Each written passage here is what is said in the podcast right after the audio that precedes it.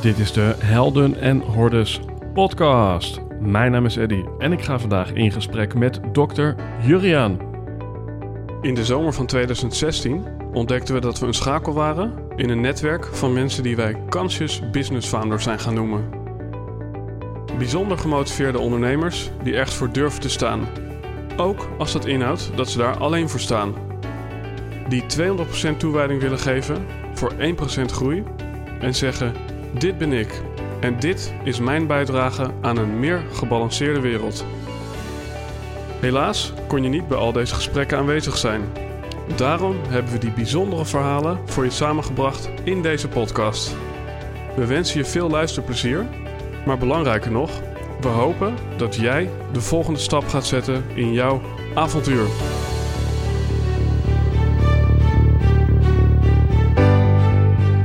Beste luisteraar, vandaag in gesprek met Dr. Juriaan. Onder andere over de volgende thema's. Waarom heeft het ieder jaar minder zin om jezelf met de ander te vergelijken? Waarom is het juist spannend om goed voor jezelf te zorgen? En wat is het verschil tussen het volgen van je verlangen of het volgen van je doel? Nou, in deze aflevering gaan we daarop in, naast heel veel andere zaken, een wat langere, diepgaande aflevering. Voordat we daar helemaal in duiken, nog even het volgende. Wellicht heb je in een vorige aflevering al van mij gehoord dat ik als propositie- en slogancoach ja, wat minder mensen persoonlijk ga begeleiden. Ooit, jaren geleden, zei een coach tegen mij: Eddy, voor jou geldt minder en beter. En ehm, ja, kijk, als je minder mensen begeleidt, dan kan je ze simpelweg ook beter begeleiden. Ja, toen viel dat kwartje niet. Ik was een soort alleswinkel voor iedereen. En nu zie ik in, ja, ik voel er wel wat voor om met een aantal mensen een wat langer en wat diepgaander traject aan te gaan. Ja, en dan alle andere mensen, ja, misschien als een soort toegift te helpen met datgene ja, wat ik al die jaren heb geleerd. Because if you want to learn, you have to teach. En ik heb jarenlang mensen gecoacht. En daar heb ik zelf eigenlijk heel erg veel geleerd over mijn vakgebied. En misschien ben jij iemand die op dit moment denkt: ja, ik zou jouw persoonlijke begeleiding wel willen. Of je wilt gewoon een uurtje met mij zoomen, met een M dus, om ja, te kijken van hey, hoe, zit het eigenlijk met mijn verhaal? Is het onderscheidend genoeg? Komt het buitengewoon binnen in mijn woorden? Ja, is het duidelijk? Is het kort? En valt het op? Nou, wil jij nog een van die mensen zijn? Ik heb vorige week zeven mensen gehad die zich hebben ingeboekt voor zo'n gesprek. En ja, ik had toen gezegd dat ik er negen zou doen. Maar wil jij nog een gesprek met mij voeren? Over misschien je, misschien wel je Instagram bio of je slogan op je website of je homepage. Ga dan naar eddyboom.nl slash scan. Dan kan je voor 27 euro een uurtje met mij zoomen. Nou, wellicht als je een vaste luisteraar bent, is dat op zichzelf al leuk om een keer ja, een podcast te luisteren die terugpraat. Naar gelang jij gaat praten eddyboom.nl slash scan te vinden in de bio van deze aflevering. En dan ga ik nu naar dokter Juriaan. Ik ben erg blij dat hij in de podcast ja, langs is gekomen. Bleek bij mij ook nog eens om de hoek te wonen. Want wie is nou dokter Juriaan? Nou, eigenlijk is dat Juriaan Galavasi. En hij is arts, coach en auteur van bestsellers zoals Van Klacht naar Kans. En Jij bent de liefde. Lichaam en geest zijn onlosmakelijk met elkaar verbonden, zegt hij. En in zijn werk helpt hij mensen om zich op beide vlakken weer echt fit te voelen door coachingstrajecten waarin hij mensen laat ervaren dat ze zelf een enorme invloed hebben op hun welbevinden, ladies en gentlemen. Dr. Juriaan. Ladies and gentlemen, dit is de Helden en Hordes podcast. Ik zit hier vandaag met Dr. Juriaan. Voor iedereen die jouw achternaam uh, niet weet, maar vanaf nu die koppeling met uh, jouw artiestennaam wel wil maken. Hoe spreek je achternaam uit? Ik voel de druk. Galavasi. En uh, waar, waar, ligt de oorsprong van jouw achternaam? Heel ver weg. Het ligt ergens in de zuidwestkust van Turkije. Maar de stamboom gaat terug tot 1780 en toen zijn ze al naar Nederland uitgewaaid. Dus zijn vooral de namen en de letters die daar nog aan vasthangen. En alles wat niet zichtbaar is. Ja, mooi. Ehm, ik zat vorige week eh, eh, bij mijn ouders aan tafel. Toen kwam mijn moeder aanlopen met een eh, blad. En ze zegt, ja, onkruid. Je voelt hem al aankomen, denk ik. En toen was het, ja, ja, je hebt allerlei mensen in je podcast gehad, maar ik heb nou toch iemand gevonden. Eh, ken je hem? Hij heet uh, Juriaan, nou en dan je achternaam. ja. Ik zeg, eh, nou ja, eh, even mijn agenda kijken hoor. En toen, eh, nou ja, Hij was al geprikt. hij was al geprikt. Ja. Dus eh, sommige dingen, ja, die, eh, die moet je misschien nastreven. En sommige de- eh, dingen die worden door het eh, leven zelf georganiseerd.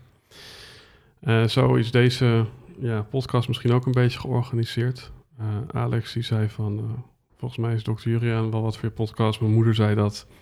En toen kwam ik je eigenlijk tegen bij Richard Let. Dat was eh, ook niet gepland.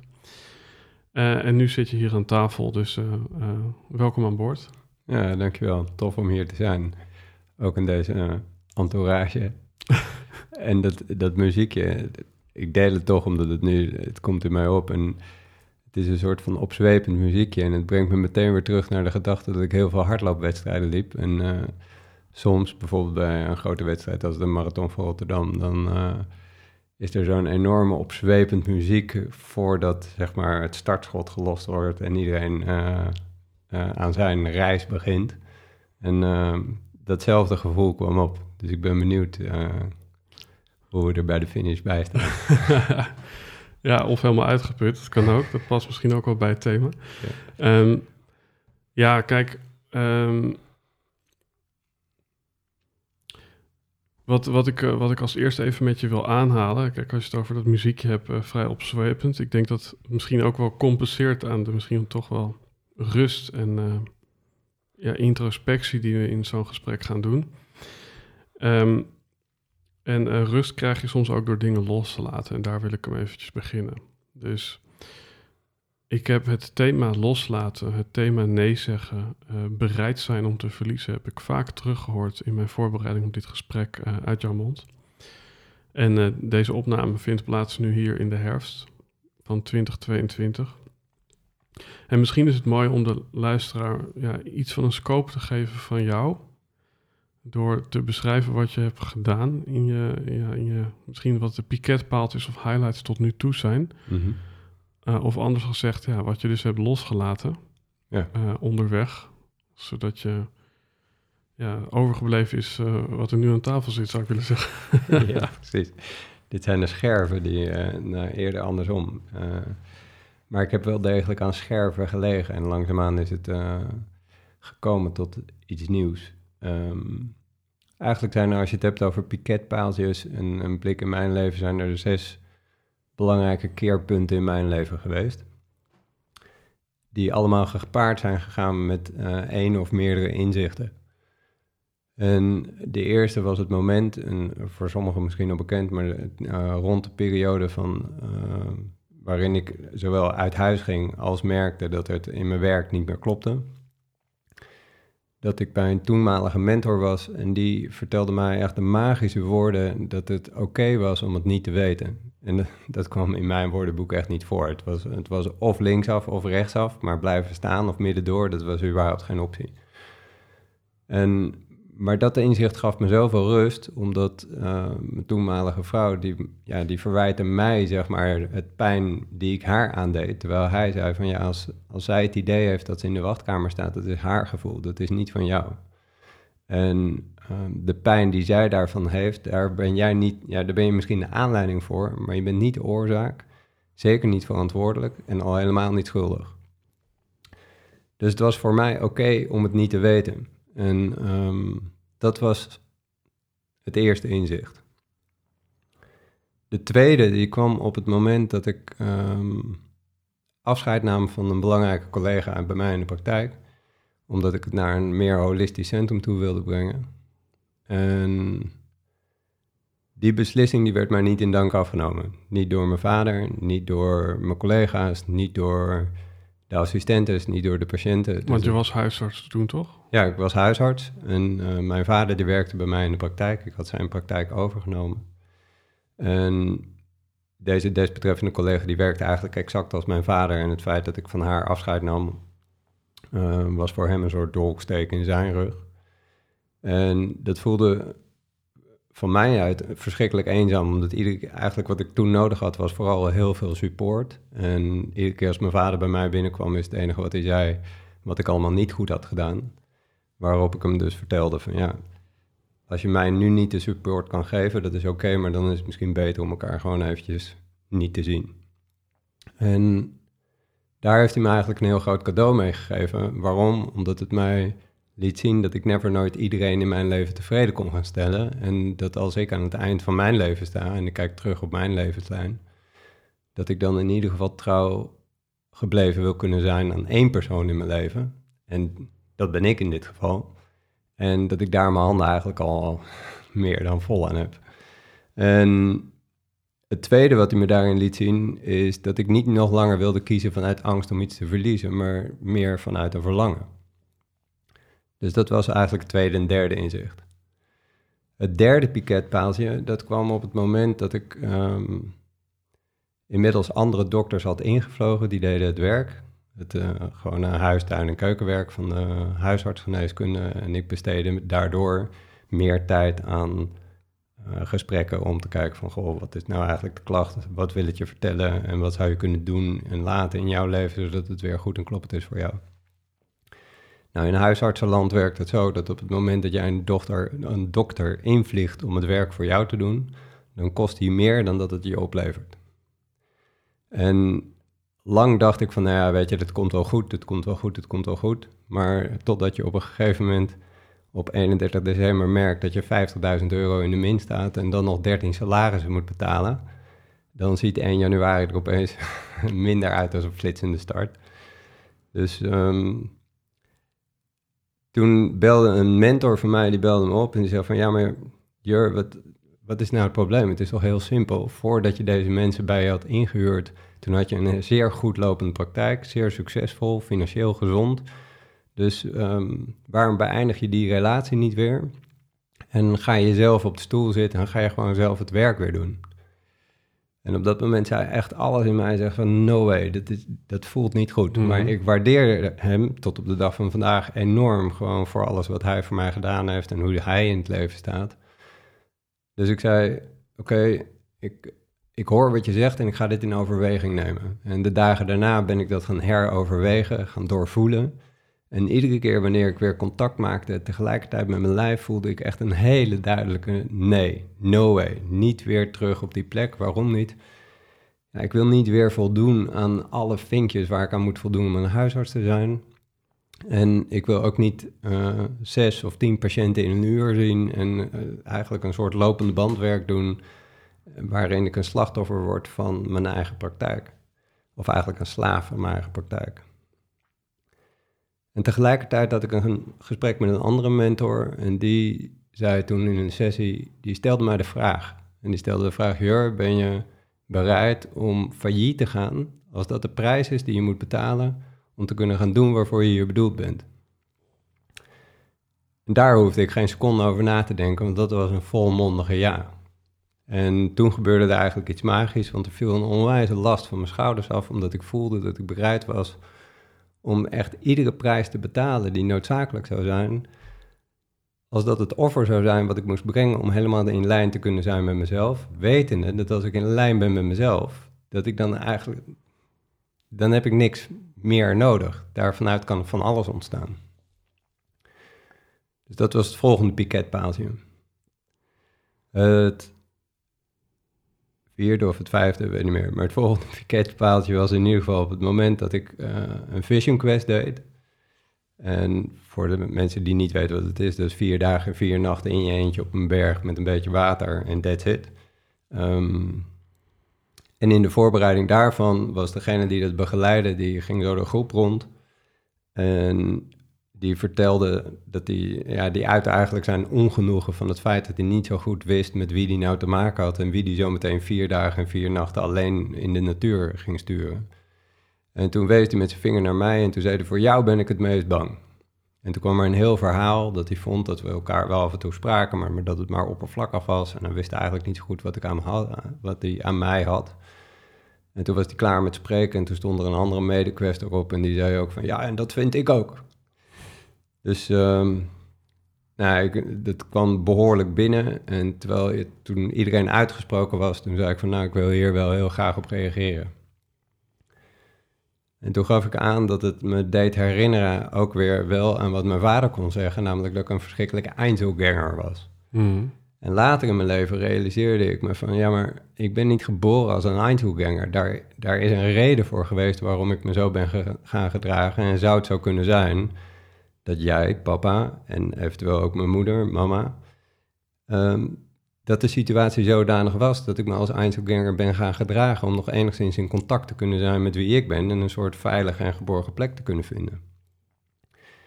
Dus ik vertelde deze begeleider van de Vision Quest dat het me daaraan deed herinneren.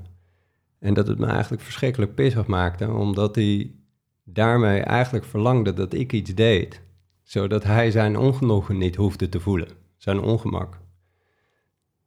Nou, dat, dat kon hij ontvangen en daar was hij het wel mee eens. En uh, ik zeg dus, zou het zo kunnen zijn dat ik mag zijn wie ik ben, ook als jij dat lastig vindt, en dat jij daardoor ook mag zijn wie jij bent, ook als jij dat lastig vindt.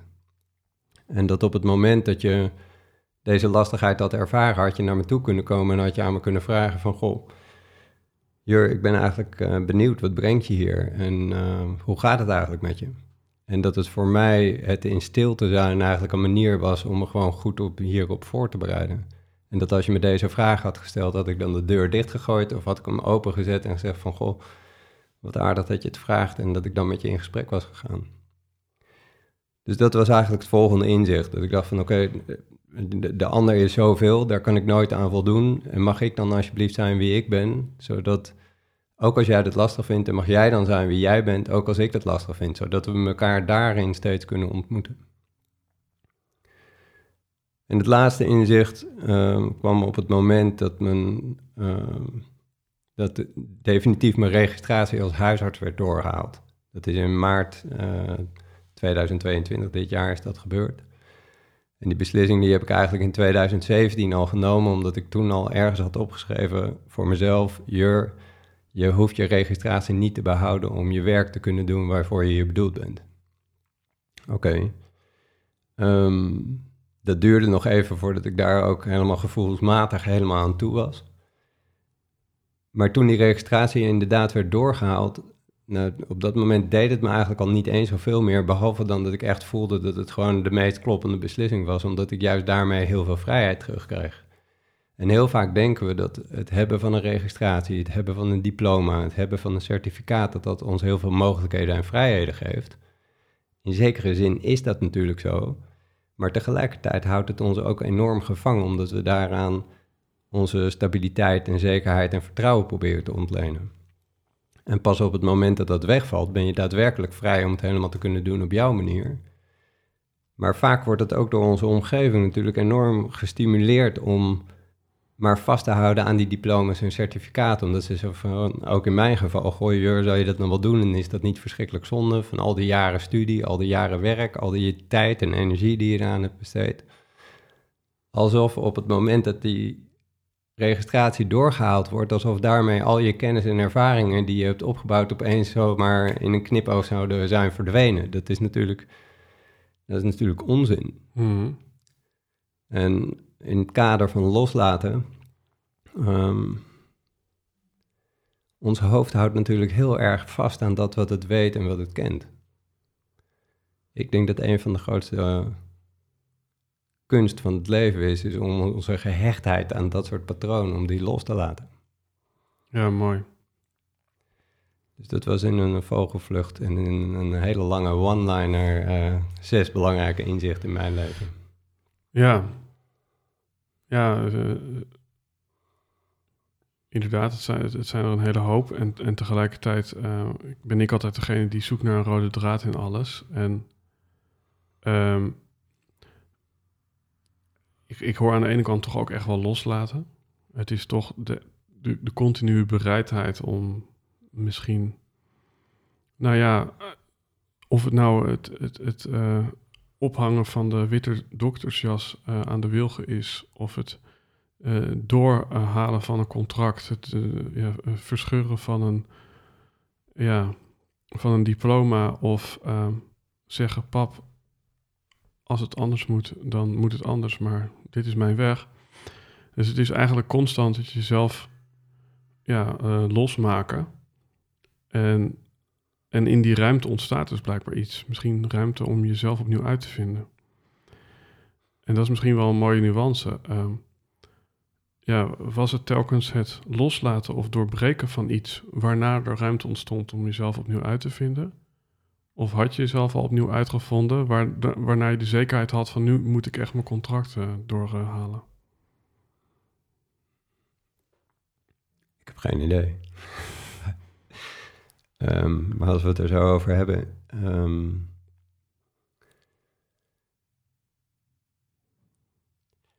ergens, ergens voelen we.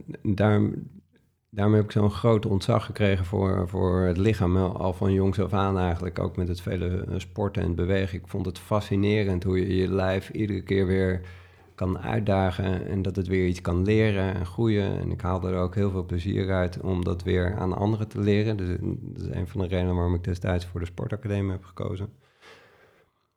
Ehm, en dat dat lijf, dat geeft je dus feilloos aan wat wel en niet klopt. En Mhm. Ehm, hoewel ik ook door, daar zit ook weer een enorme dualiteit in. Want juist door het heel erg bezig zijn met mijn lijf, heel intensief te sporten, was ik in staat om echt over grenzen heen te gaan. Waar iemand anders al lang nee zou zeggen, daar eh, zette ik er nog een versnelling bovenop.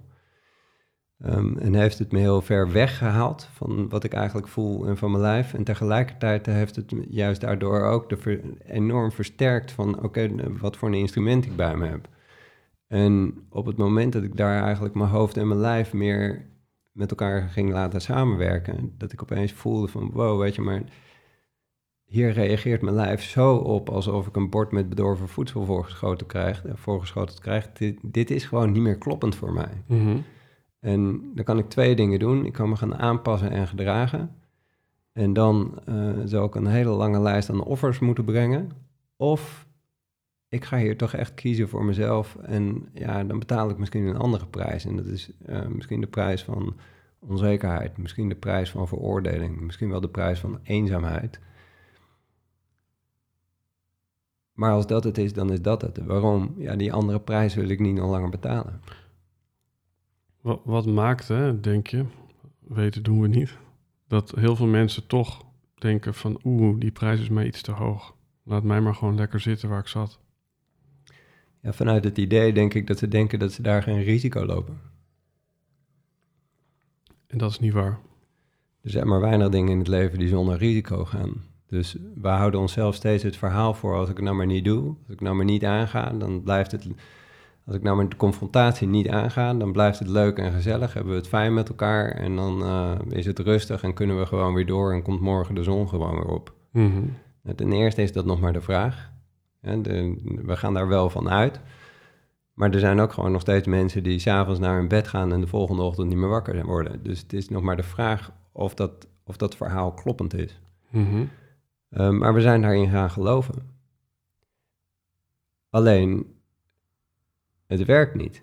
Ja. Want uh, als je heel lang dus de realiteit niet in de ogen aankijkt en denkt van, ja, weet je, het komt wel goed. Ja, vroeg of laat komt het onheil toch bij je op de deur kloppen. ja. En in mijn optiek kan je dan maar beter voorbereid zijn. Ja. ja. Dus eigenlijk komt het erop neer dat we moeten kiezen welk risico we nemen. Want er is altijd een risico. Altijd. Weet je, het is niet zo dat op het moment dat je maar blijft staan op de plek waar je nu staat, dat je dan gevrijwaard bent van eventuele problemen en gedoe in je leven.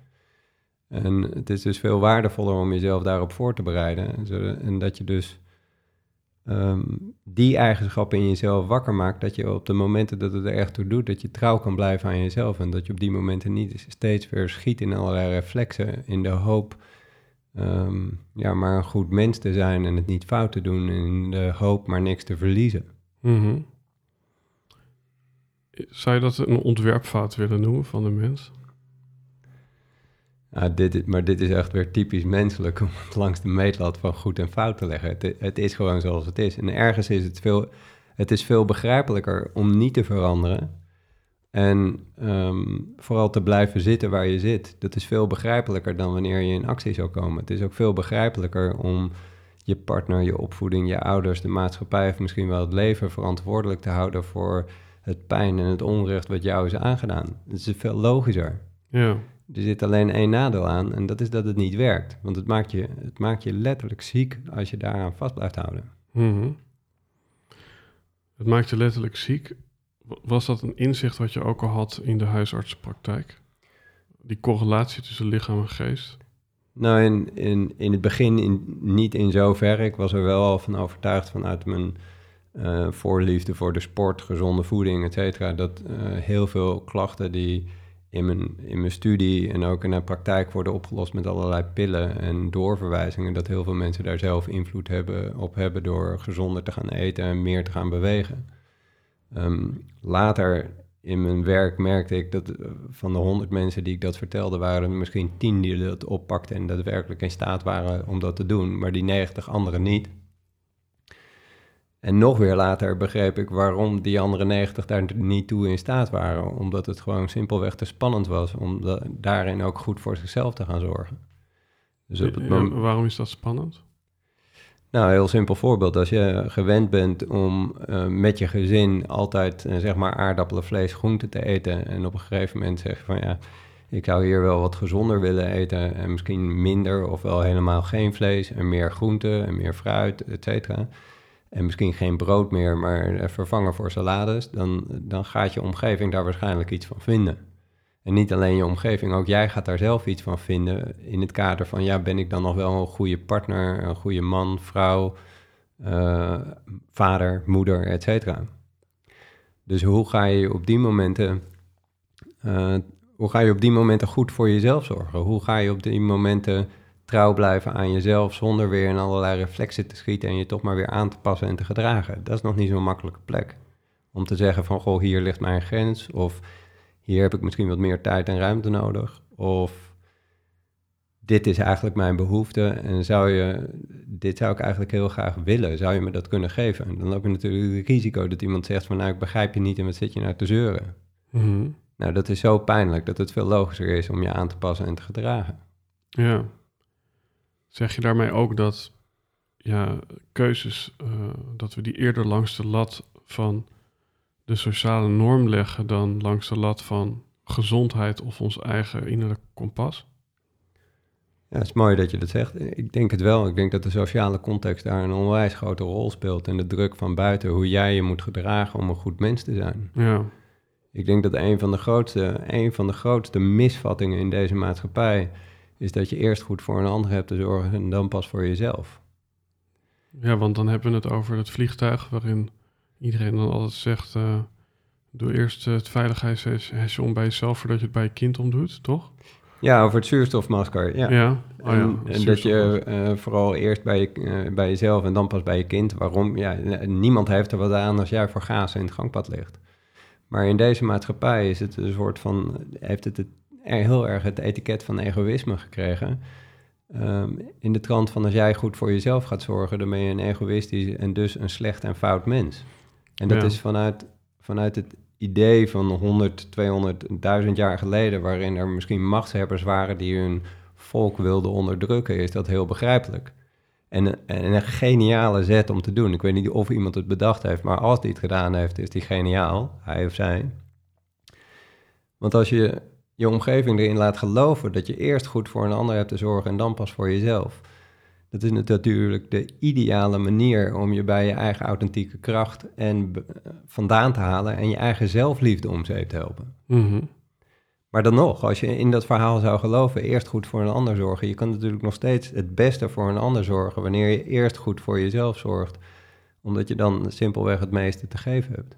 Ja. Ja, opmerkelijk. Ik zie inderdaad een soort van hele eh, kerkelijke moraal, eh, christelijke moraal vormen. En ja, we, we, we hebben dus ergens onderweg geleerd van nou, eh, we moeten, we zijn egoïstisch als we voor onszelf zorgen. En ehm, ja, tegelijkertijd is er ook zoiets wat ik er dan eventjes naast wil leggen, namelijk, ik noem het even doorgeslagen individualisme. Ja. Dus ehm, op social media is iedereen een soort personal brand geworden. Dus iedereen, ja, ik, eh, eh, ook, ook begrijpelijk, hè? als ik een post maak met eh, een een of andere stokfoto of mijn eigen gezicht, dan wordt die met mijn eigen gezicht meer geliked. Ook meer doorgelaten door het algoritme trouwens. Maar ja, hoe verhoudt dat voor jezelf kiezen zich tot, wat jou betreft, hè? dat is misschien een beetje een filosofische vraag, maar zich tot een wereld waarin alles eh, ja, om, om jouw individuutje en jouw eigen hakje draait? Ja. Nou, dankjewel dat je deze vraag stelt. Het wordt vaak verkeerd uitgelegd of op een andere manier uitgelegd. En goed voor jezelf zorgen betekent in mijn optiek niet dat je met oogkleppen op en een soort tunnelvisie door het leven heen gaat. Dat je als een soort olifant door de porsele- porseleinkast heen jaagt en dat je alleen maar aan jezelf denkt. Dat, dat is niet wat zelfliefde is of wat goed voor jezelf zorgen is. Goed voor jezelf zorgen begint eigenlijk. ehm, vaak zijn we geneigd om voor een ander te zorgen. ehm, niet alleen vanuit het idee dat we het beste voor hebben met de ander, maar ook omdat we het zelf verschrikkelijk lastig vinden om de ander te zien lijden met een lange ei. Maar lijden, eh, we hebben elkaar kort hiervoor gesproken, en eh, lijden met een lange ei kan dus echt een hele waardevolle, een waardevol cadeau zijn. Het kan echt een aanleiding zijn tot grote groei en verandering en zelfs spirituele groei. Dus iemand houden op de lastige plek is zeer waardevol. En ook vanuit de geneeskunde is denk ik het grootste, een van de grootste problemen binnen de gezondheidszorg is het feit dat alle dokters leren dat ze vooral een ander moeten helpen en een ander eh, zo snel mogelijk en zo kundig mogelijk van zijn of haar klacht af moeten helpen. Maar stel nou dat die klacht er is voor jou. En dat die klacht juist iemand iets wil vertellen. Dat er iets niet klopt in zijn of haar leven en dat die persoon iets zou mogen veranderen, zodat het weer goed en kloppend is voor hem of voor haar. Dan kan je je voorstellen dat op het moment dat die dokter vanuit zijn allerbeste intentie de ander zo snel mogelijk van zijn klacht afhelpt, dat je de ander de kans ontneemt om te kunnen groeien naar een betere plek toe. En dat je die ander, doordat je een pil geeft dat hij de pijn niet voelt, doorgaat op het pad wat hij ingeslagen is, terwijl het juist het pad is wat hem of haar ziek maakt. Dus het kan heel waardevol zijn om jezelf, bijvoorbeeld als dokter, maar überhaupt gewoon als, als mens ook in gewone intermenselijke relaties, om jezelf te kunnen verduren in het ongemak dat iemand anders pijn en verdriet heeft. En daar doe je de ander echt een groot cadeau mee.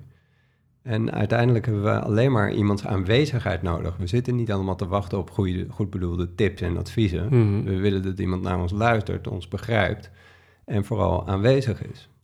En om dat te kunnen doen, om net als toen je vroeger klein was en je zwaar overstuur was omdat je een super onterecht cijfer had gekregen of onterecht behandeld was, en je kwam boos en verdrietig thuis en je plofte neer op de bank, waar had je dan behoefte aan? Had je dan Mhm. behoefte aan dat je vader of je moeder naar je toe kwam en met allemaal goed bedoelde tips en adviezen en dat je toch wat beter had moeten leren?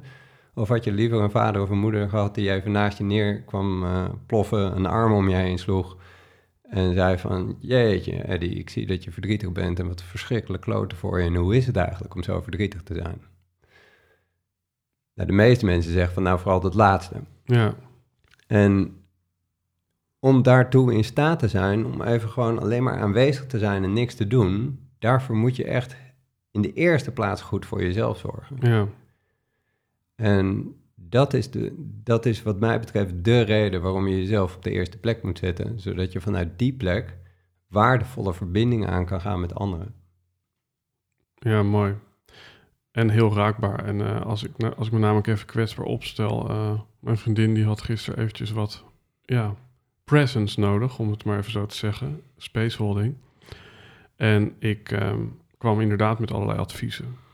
Toen ben ik er ook over na van, waarom geef ik dan allemaal adviezen? Want dat was dus ook letterlijk en figuurlijk niet wat ze vroeg. En ja, er is dan denk ik ook een stuk in mij die zich, ja, om, het mooi te zeggen, bestaansrechtelijker voelt. Op het moment dat hij adviezen of tips kan geven. Het zit ook een beetje in mijn inborst om een beetje een teacher te zijn. Dat is ook mijn numerologie. Dus ehm, ja, blijkbaar eh, vraagt dat mij om Om ook comfortabel te zijn met het feit dat ik niks kan bijdragen. Of niet bijdragen op de manier waarop ik dacht dat dat een bijdrage was, zeg maar. Ja. Ja, dat is boeiend, hè? Dat... Even eruit knippen, even hoesten. Dat is boeiend hoe dat werkt. Dat, we, dat iets in ons vindt dat we dus per se iets moeten doen om ons bestaansrecht daaruit te kunnen ontlenen. Alsof Mhm. onze aanwezigheid zelf op zich niet genoeg zou zijn. Terwijl onze kracht ligt juist in het puur aanwezig zijn, oprecht aanwezig, geïnteresseerd, luisteren, doorvragen, ons inleven in de ander en dat het daar mag stoppen. Je hebt je bestaansrecht al lang gekregen. Vanaf het moment dat je geboren werd, daar hoef je niks voor te doen. Maar in deze maatschappij hebben we geleerd dat je eerst iets moet doen voordat je iets mag zijn. ja. En, en we zijn in dat verhaal gaan geloven. Daar heb je volgens mij in je boek ook een schema van staan. Eh, doen, puntje, puntje zijn. Mag je Ja. me even helpen? En jij hebt hem toen omgedraaid. Ja, je hebt eh, het verhaal van doen, hebben, zijn, of hebben, doen, zijn. Dat kan ook, dat je eerst iets moet hebben. En als je iets kan hebben, dan kan je iets doen en dan ben je iets. Dus je moet eerst een auto hebben en dan kan je op reis gaan. En als je op reis gaat, dan ben je gelukkig. Maar meestal is het andersom, dat je eerst iets moet doen en dan kan je iets hebben en dan kan je iets zijn. Dus je moet eerst goed je best doen op school, dan krijg je een diploma, dan krijg je een mooie baan. En vanuit die baan eh, ben je succesvol. Of ehm, nou, je moet eerst, eh, wat moet je nog meer doen? Eh, je moet eh, vooral eh, je heel erg aanpassen aan de anderen. Want als je aanpast aan de anderen, dan heb je vrienden. En als je vrienden hebt, dan ben je gelukkig, succesvol, sociaal, whatever. Maar dat gaat er dus altijd vanuit dat je eerst iets moet doen voordat je iets kunt zijn. Dus het geluk ligt altijd ergens aan de horizon. Het is nooit op de plek waar je nu bent. Waarom niet? Ja, je moet eerst iets doen. In plaats van dat we het omdraaien. Je bent al volledig, met alles erop en eraan, precies op de manier zoals jij bent. En waarom? Ja, er is niemand die op deze aardbol rondloopt die precies hetzelfde heeft als jij. Dus iedereen heeft zijn eigen rugzak. En naarmate je ouder wordt, word je steeds unieker. Dus het wordt steeds minder zinvol om je te gaan vergelijken met iemand anders. Oh, maar ja. Ehm, maar de problemen ontstaan doordat we ons gaan vergelijken. Dus eh, ja, die, die ander heeft dit of dat en dat is beter of slechter. En eh, daarmee ondergraven we ons eigen gevoel van, van zelf of eigenwaarde. Ja, In plaats van dat je gaat zien van oké, ik ben uniek, ik ben niet perfect, maar dat is precies zoals het moet zijn, want daardoor kan ik leren, groeien en ontwikkelen. En vanuit die plek mag van alles ontstaan. ja, En ben ik dan bereid om het leven als het ware via mij gewoon tot expressie te laten komen en daar nieuwsgierig naar te zijn? Of ga ik proberen om het leven ja, toch eh, onder controle te houden en te redigeren op een manier zoals ik vind dat het zou moeten gaan? Waarbij zoals ik vind dat het zou moeten gaan, eigenlijk in de praktische zin van het woord betekent zoals ik geleerd heb zoals het zou moeten gaan. Maar de vraag is of dat de waarheid is. ja. Dus als je zegt, eh, eh, ja, het moet op mijn manier, dan zeg je eigenlijk, eh, het moet op een manier zoals het mij is aangeleerd. Maar waarschijnlijk als het werkelijk op jouw manier zou gaan, dan, dan, dan stroomt het wel. Omdat, omdat, of niet? Ja, en de vraag is of het dan inderdaad jouw... Nou, eh, dit is zo'n beetje de plek waar ik nu begeef in mijn leven. Van oké, waar, eh, waar ben ik degene die bepaalt hoe het moet gaan... en waar durf ik me eraan overgeven dat het leven bepaalt... wat er via mij tot expressie wil komen. Ja. Dus dat ik gewoon het voertuig ben via, via wat iets in de vorm tot expressie kan komen... en ik ben ik bereid om me daaraan over te geven... Of wil ik het toch nog steeds redigeren op een manier zoals ik denk dat het goed is, waarmee ik eigenlijk een plek inneem waarbij ik zeg, ik weet beter hoe het leven in elkaar zit dan het leven zelf. Ja, Ik denk dat dat een risicovolle plek is om te zijn. ja. ja dan- zegt een wijze filosoof, the more I know, the more I know and don't know anything. Ja. Dus heb jij voor jezelf het gevoel dat je steeds, ja, steeds meer loslaat wat je hebt geleerd? Of, of heb je het idee dat je... Nou, dat is een soort dubbel, want juist doordat ik heel veel heb geleerd, kan ik ook, kan ik ook weer beter loslaten. Dat is het gekke. Mooi. Maar ehm, ik noemde al eerder in onze voorbereiding het feit dat ik heb nu- twee boeken geschreven die nou echt boven mijn eigen verwachting gewoon er zo uitgerold zijn en die nou, veel gehoor vinden ook in de omgeving. Dus veel mensen hebben daar iets aan. Daar ben ik heel erg dankbaar voor. daar voel ik me ook tegelijkertijd nederig in, omdat ik weet van ja, ik heb het wel geschreven, maar ik zou het niet nog een keer precies op dezelfde manier kunnen schrijven, omdat ja, het is er gewoon tot expressie gekomen. En nu is er iets in mij wat heel graag een derde boek wil schrijven. Maar ben ik dat die een derde boek wil schrijven? Of is dat ook de bedoeling dat ik een derde boek ga schrijven? Mhm. En toen ik me dat bemerkte, toen dacht ik van oké, misschien wordt het tijd om hier heel even een pas op de plaats te gaan maken. Want misschien is het wel helemaal niet de bedoeling dat ik een derde boek ga schrijven. En eh, misschien wel een derde boek, maar niet in deze vorm. Misschien wordt er nu wel iets heel anders gevraagd. Want die eerste twee boeken die zijn ook niet gekomen vanuit het idee, ik ga een boek schrijven. Nee, die zijn gekomen. Nou, precies zo. Die zijn gewoon gekomen. Mhm. Zonder dat ik me daarmee bemoeid heb, als het Ja. ware. En nu ga ik me er dus langzaamaan opnieuw mee bemoeien. Met het idee dat dat de weg is die ik moet gaan. Maar misschien vraagt het leven wel iets heel anders van me. En ben ik bereid om daarin even te wachten, te verduren. Daarin goed voor mezelf te zorgen. En open te staan voor datgene wat eigenlijk gevraagd wordt. Ja. En dat gaat dus buiten mijn weten om. Dat gaat, dan heb ik me dus open te stellen en voorbij mijn eigen redelijkheid, voorbij mijn eigen gedachten en voorbij mijn eigen gevoelens te gaan kijken. Ja. Wat, ja. Wat, wat kan daarbij dienend zijn om ja, eh, ontvankelijker te worden voor wat er via jou tot uiting wil komen? Hoe bedoel je die vraag? Nou, ik denk dat, eh, dat voor heel veel mensen geldt dat hun eerste natuur is om zich er wel mee te bemoeien. Dus, dus hoe, hoe zorg ik ervoor dat ik die bemoeien al een beetje uitzet? Wat voor mij goed werkt, maar dat is zeker niet de waarheid, maar dat is hoe ik doe om me daarvan gewaar te zijn. En dan iedere keer als ik voel dat ik het gaspedaal in wil trappen, om dan het tegenovergestelde te doen en te gaan zitten. Uh, letterlijk of figuurlijk zitten, maar eerst te, blijven op die plek van niet doen. Dus ik ga niet meer linksaf of rechtsaf, zoals ik het geleerd heb, uh, oorspronkelijk. En daarna was er dus uh, iemand, een wijs persoon, die mij vertelde van... joh, joh, het is ook heel waardevol om het niet te weten en dat is oké.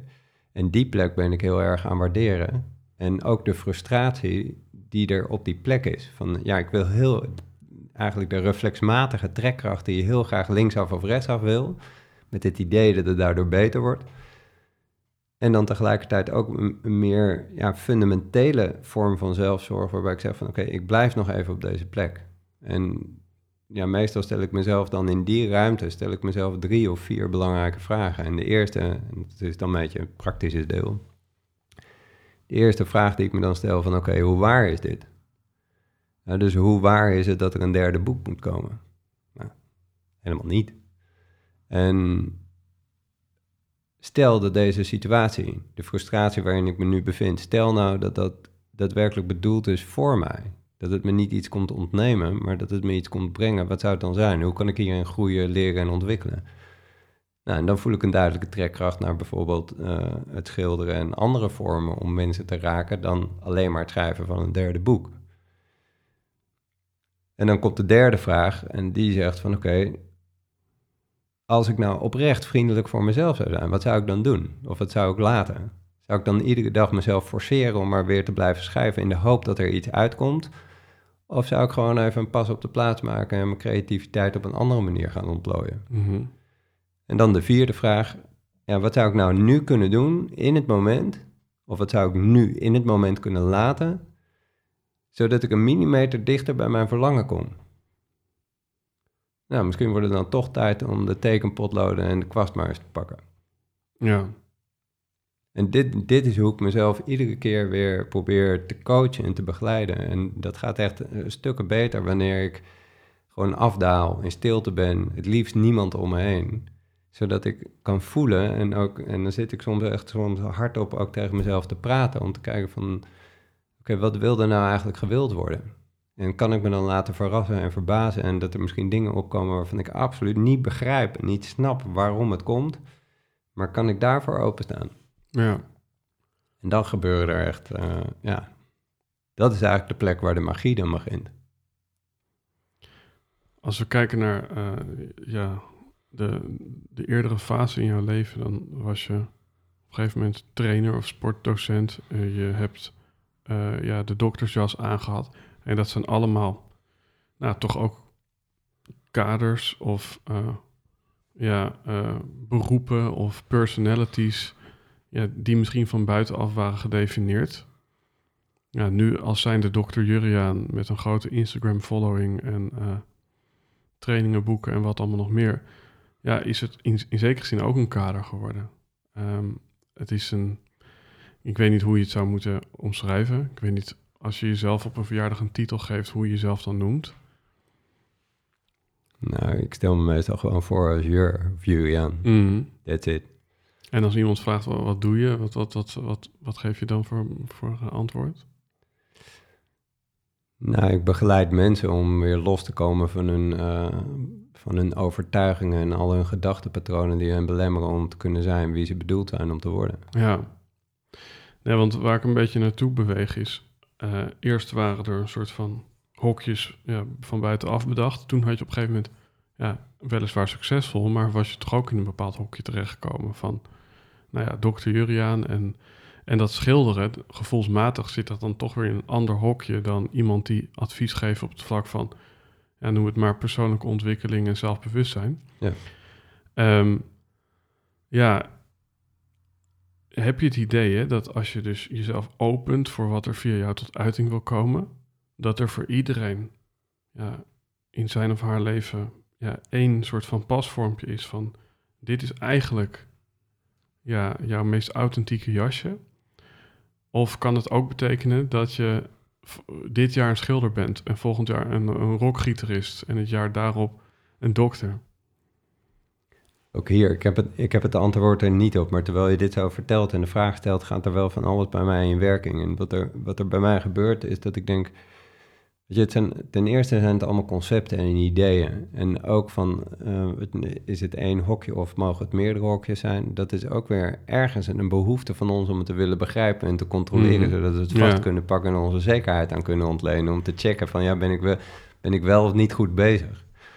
Voor mijzelf merk ik dat als ik gewoon terugkijk op mijn leven, dat er echt wel periodes zijn die je zou kunnen onderverdelen in, de, in, in de welbekende magische blokken van zeven jaar. En dat als ik op een gegeven moment, als ik iets, als ik iets onder de knie heb of ik kan het, dan gaat bij mij eigenlijk een beetje de aantrekkelijkheid daarvan af. Dan, dan wordt er iets anders wakker en die denkt van ja, en, en nou weer iets nieuws. Mm um, met het werk wat ik nu doe, merk ik wel dat het iets is wat me heel goed past. Wat ik nou, ogenschijnlijk ook gewoon goed kan. Um, waar ik heel veel voldoening uit haal. Maar iedere keer ook weer bij mezelf denk van... oké, kan ik hier ieder moment de stekker uittrekken als dat nodig is?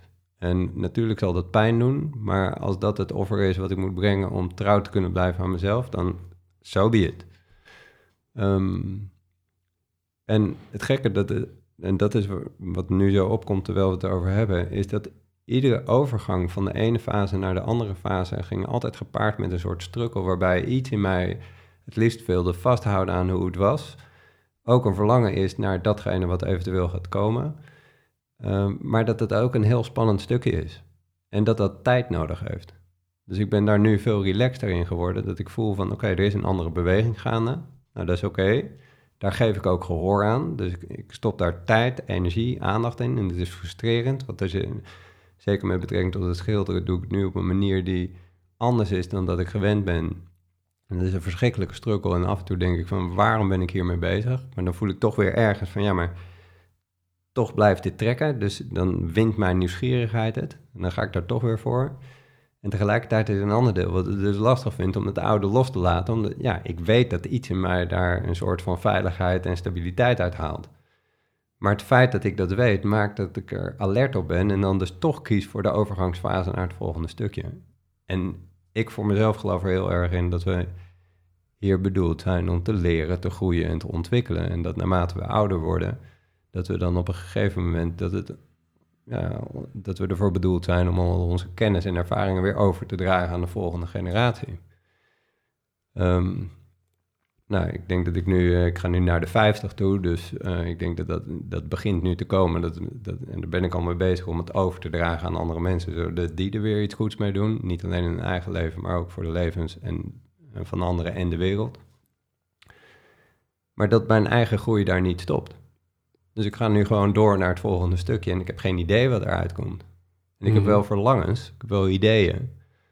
En eh, nou, daar haal ik dan weer mijn voldoening uit. Ja, want hoe, hoe, hoe, hoe verschilt een verlangen van een doel voor jou? Ehm,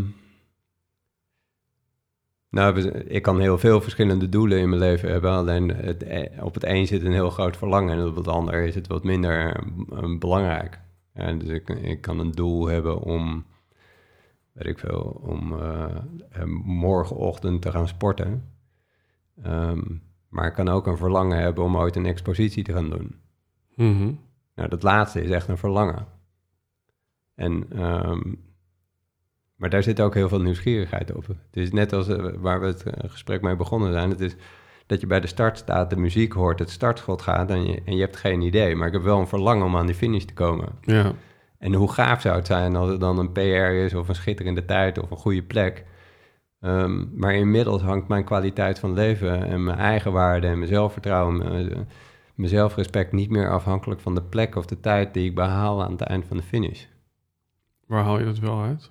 Uit het, he- ja, dat is een beetje een cliché, maar gewoon uit het hele pad daar naartoe. Gewoon de wedstrijd op zich.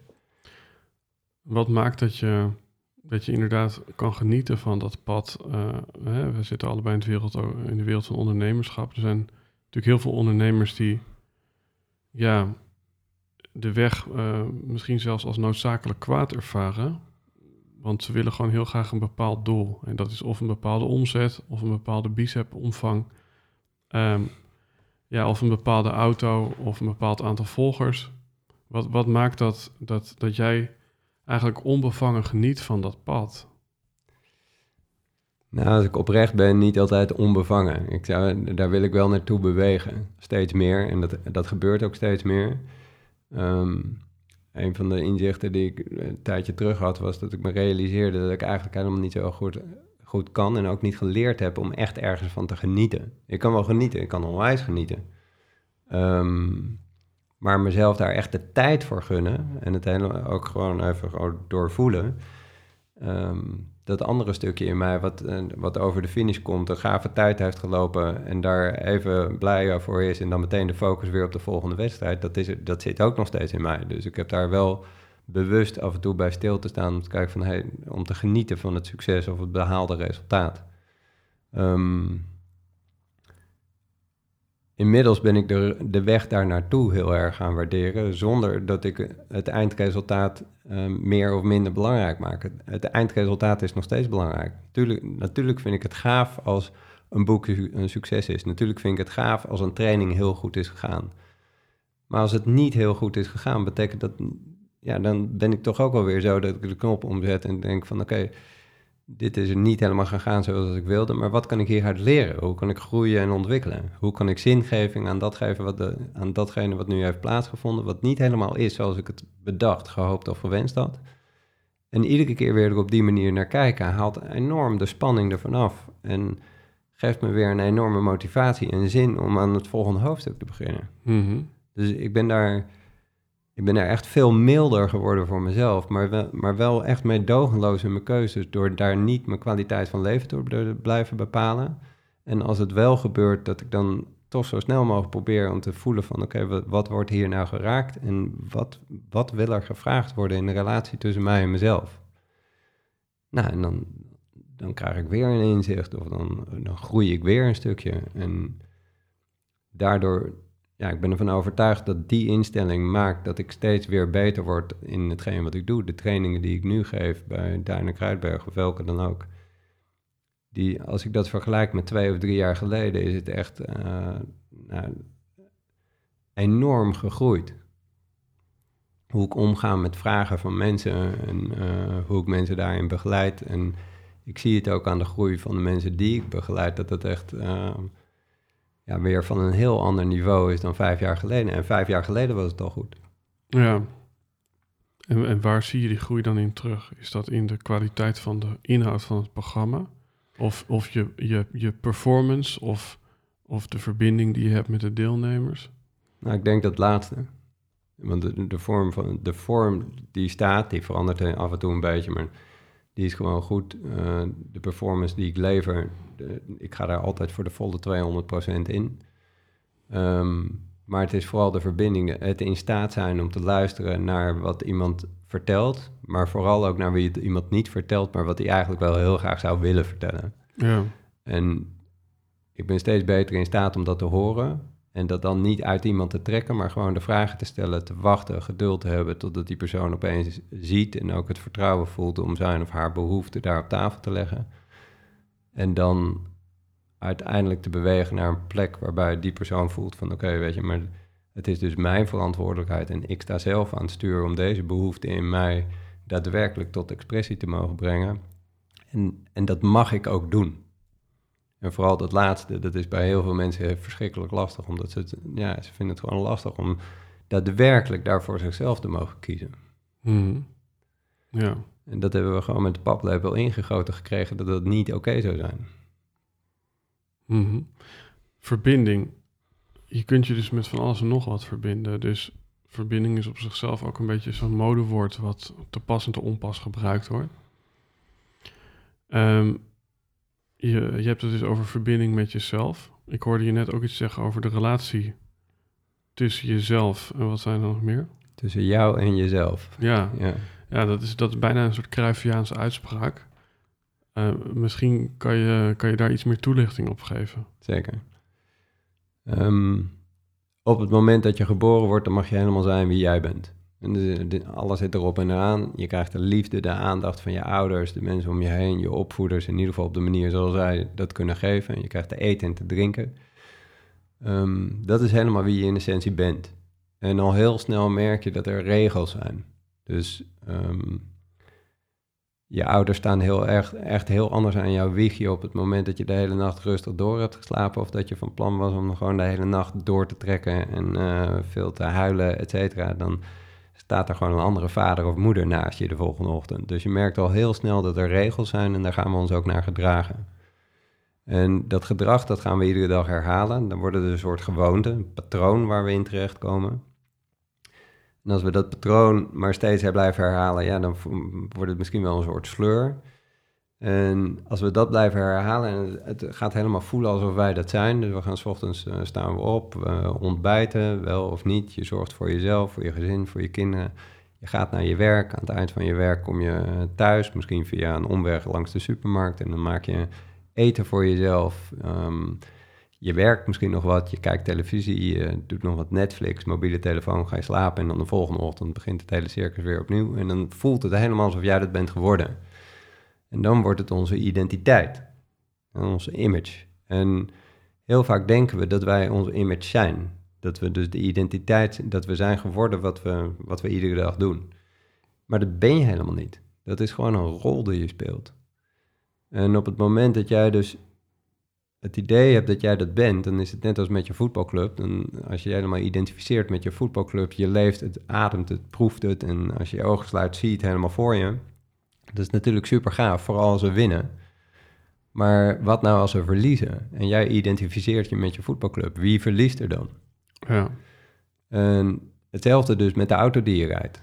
En als je je identificeert met de auto die je rijdt en er komt een kras op of er komt een deuk in, ja, wie wordt er dan beschadigd? Ja. Um,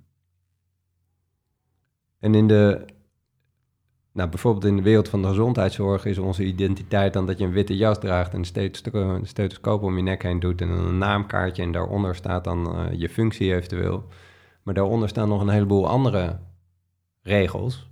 En dat zijn allemaal regels van, en afspraken van hoe wij vinden dat een dokter zich zou moeten gedragen om een goede dokter te zijn. En zo hebben we allemaal rollen. Dus we hebben ook een rol als vader of als moeder, een rol als zoon of als dochter, als uh, vriend of vriendin, collega, werkgever, whatever. En we hebben allemaal ideeën aangeleerd gekregen en we hebben allemaal ideeën en verhalen aangenomen voor waar, voor hoe wij ons moeten gedragen om een goede zoon, dochter, vader, moeder, vriend, vriendin, collega, werkgever, whatever te hmm. zijn. Maar dat is helemaal niet wie je bent. Jij mag het helemaal doen en invullen op de manier zoals dat goed en kloppend is voor jou. Daar is geen vaste regel voor. En dat is het verschil tussen jou en jezelf. Dus de jou, de jij, dat is de, persoon, dat is de identiteit.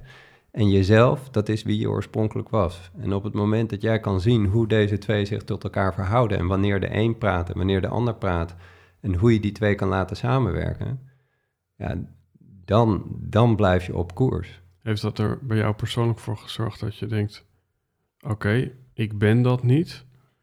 Ehm, dus dan kan ik zijn wat ik wil en dat is bijvoorbeeld dit. Of zorgt het ervoor dat er een soort nihilisme optreedt van ja, wat maakt ook eigenlijk uit wie ik ben? Want uh, het is allemaal maar een, uh, een identiteit en daarmee een soort van illusie. Nee, ik denk dat het uh, dat eerste voor mij in ieder geval, omdat er is niks mis met een identiteit. Het wordt pas een probleem op het moment dat je die identiteit nodig gaat hebben om jezelf goed te voelen. Dus in mijn voorbeeld, ik vond dat ik aan allerlei eisen en verplichtingen moest voldoen om een goede dokter te zijn. Dat had ik nodig om mezelf respect, mijn eigen waarde en mijn vertrouwen uit te halen. Tot ik me realiseerde van ja, maar deze jas die past me helemaal niet. Al die afspraken die ze hebben gemaakt om een goede dokter te kunnen zijn, dat, dat, dat, dat kost me bakken vol met energie. Hoezo moet ik acht uur s ochtends beginnen? En hoezo moet ik dan om zes uur s avonds eindigen en dan maar haasten naar de huisartsenpost om daar nog een dienst te draaien tot twaalf uur of één uur? En dan uh, de volgende ochtend gewoon weer om acht uur vrolijk op mijn spreekuur staan alsof, alsof er niks gebeurd is. Hoezo? Ja. En um, hoezo moet ik zes patiënten in een uur zien? Ja, omdat de zorgverzekeraar dat bedacht heeft en je krijgt gewoon een vast bedrag betaald per patiënt. Ja, dus hoe meer patiënten je ziet, hoe meer je verdient. Maar wil ik dat eigenlijk wel? En toen ben ik het om gaan draaien. Toen ben ik niet gaan kijken van oké, dit zijn de kaders en dit is hoe ik het wil en past het daar nog ergens in? Nee, ik ben gaan kijken van goh, wat wil ik eigenlijk? En hoe zou ik mijn leven in willen delen? En hoe laat wil ik eigenlijk starten? Hoe wil ik mijn ochtend uh, beginnen en mijn dag ingaan? En hoeveel mensen wil ik eigenlijk zien? En wat voor voldoening wil ik daar uithalen? En toen ben ik gaan kijken, oké, okay, past dat binnen dit kader? Nou, dat past er niet. Nou, jammer dan, maar dan daarbuiten. Ja.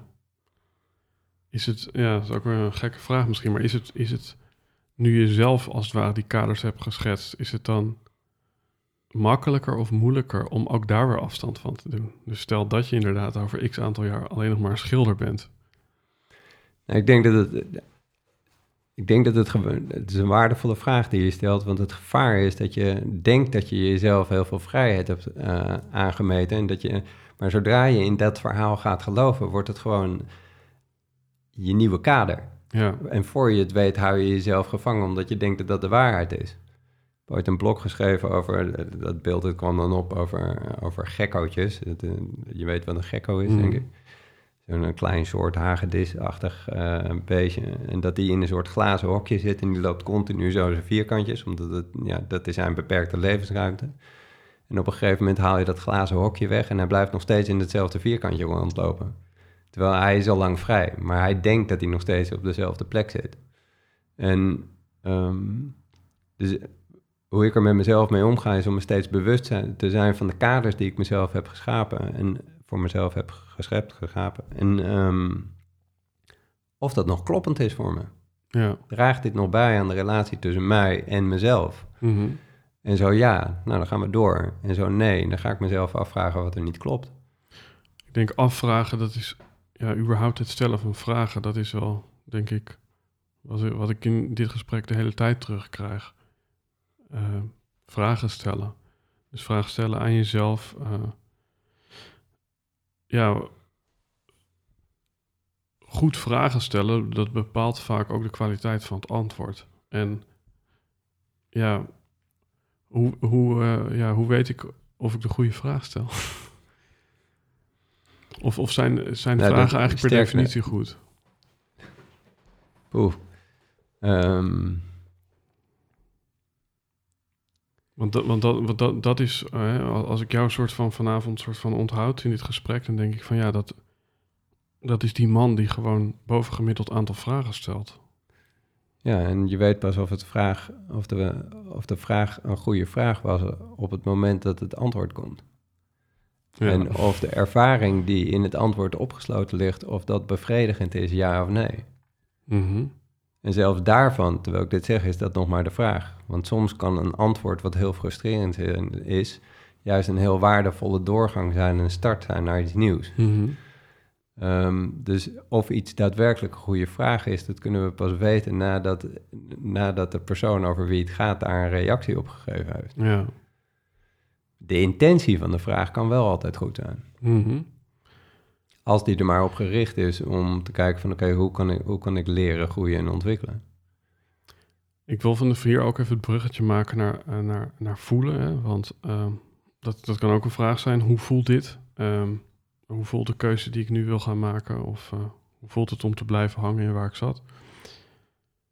Want ehm, je hebt ergens aangegeven, je weet vaak op basis van hoe iets in je lichaam voelt, ja, wel of het het juiste is.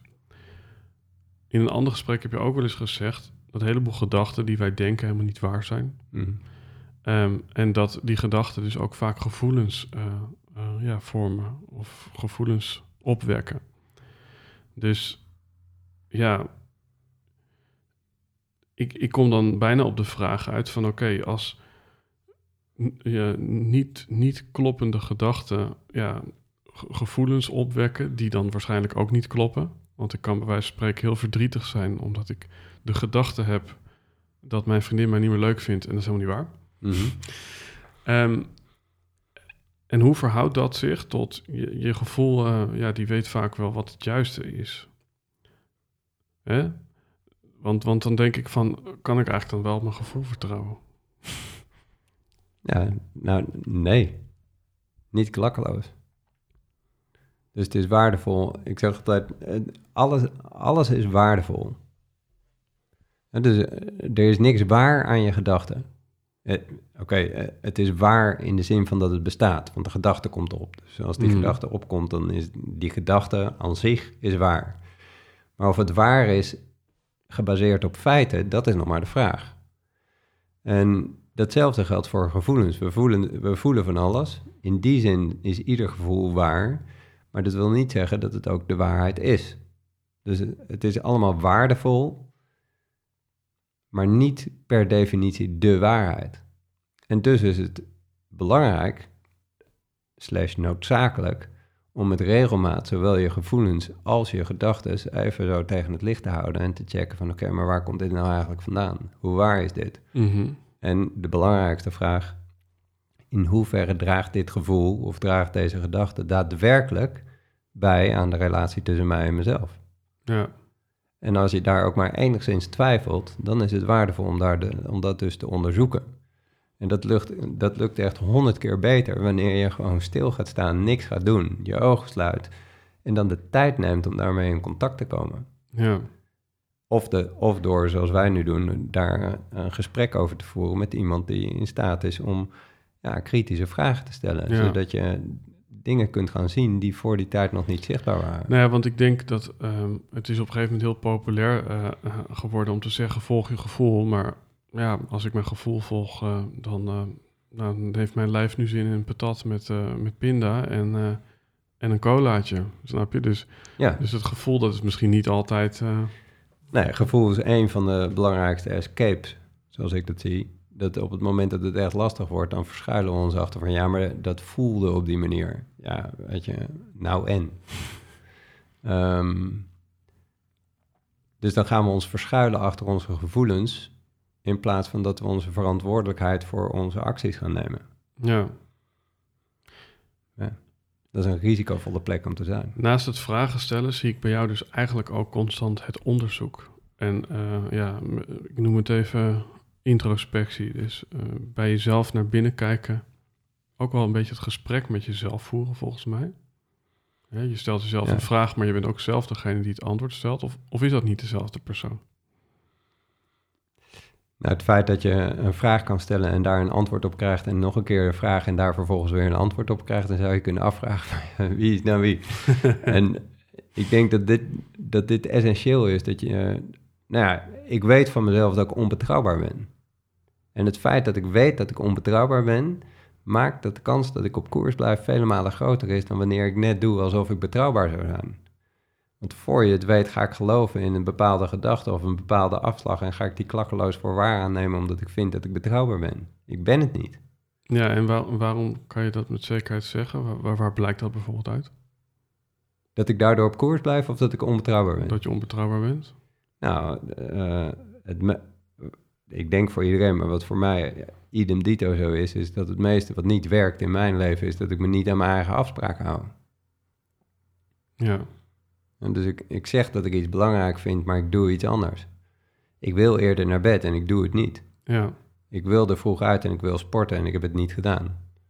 Ik wil, de, ik wil deze afspraak nakomen en het is me niet gelukt. En toch kan ik me ook voorstellen dat juist uitspreken dat je onbetrouwbaar bent, voor anderen weer gevoel van veiligheid geeft.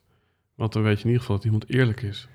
Ja, exact. nee, maar, maar dit is de dualiteit erin. Dus een van mijn grootste inzichten, die ook nog niet gedeeld trouwens, maar dat is het feit dat ik, dat is een ander piketpaaltje, eh, dat is dat ik me realiseerde dat ik niet oprecht ben.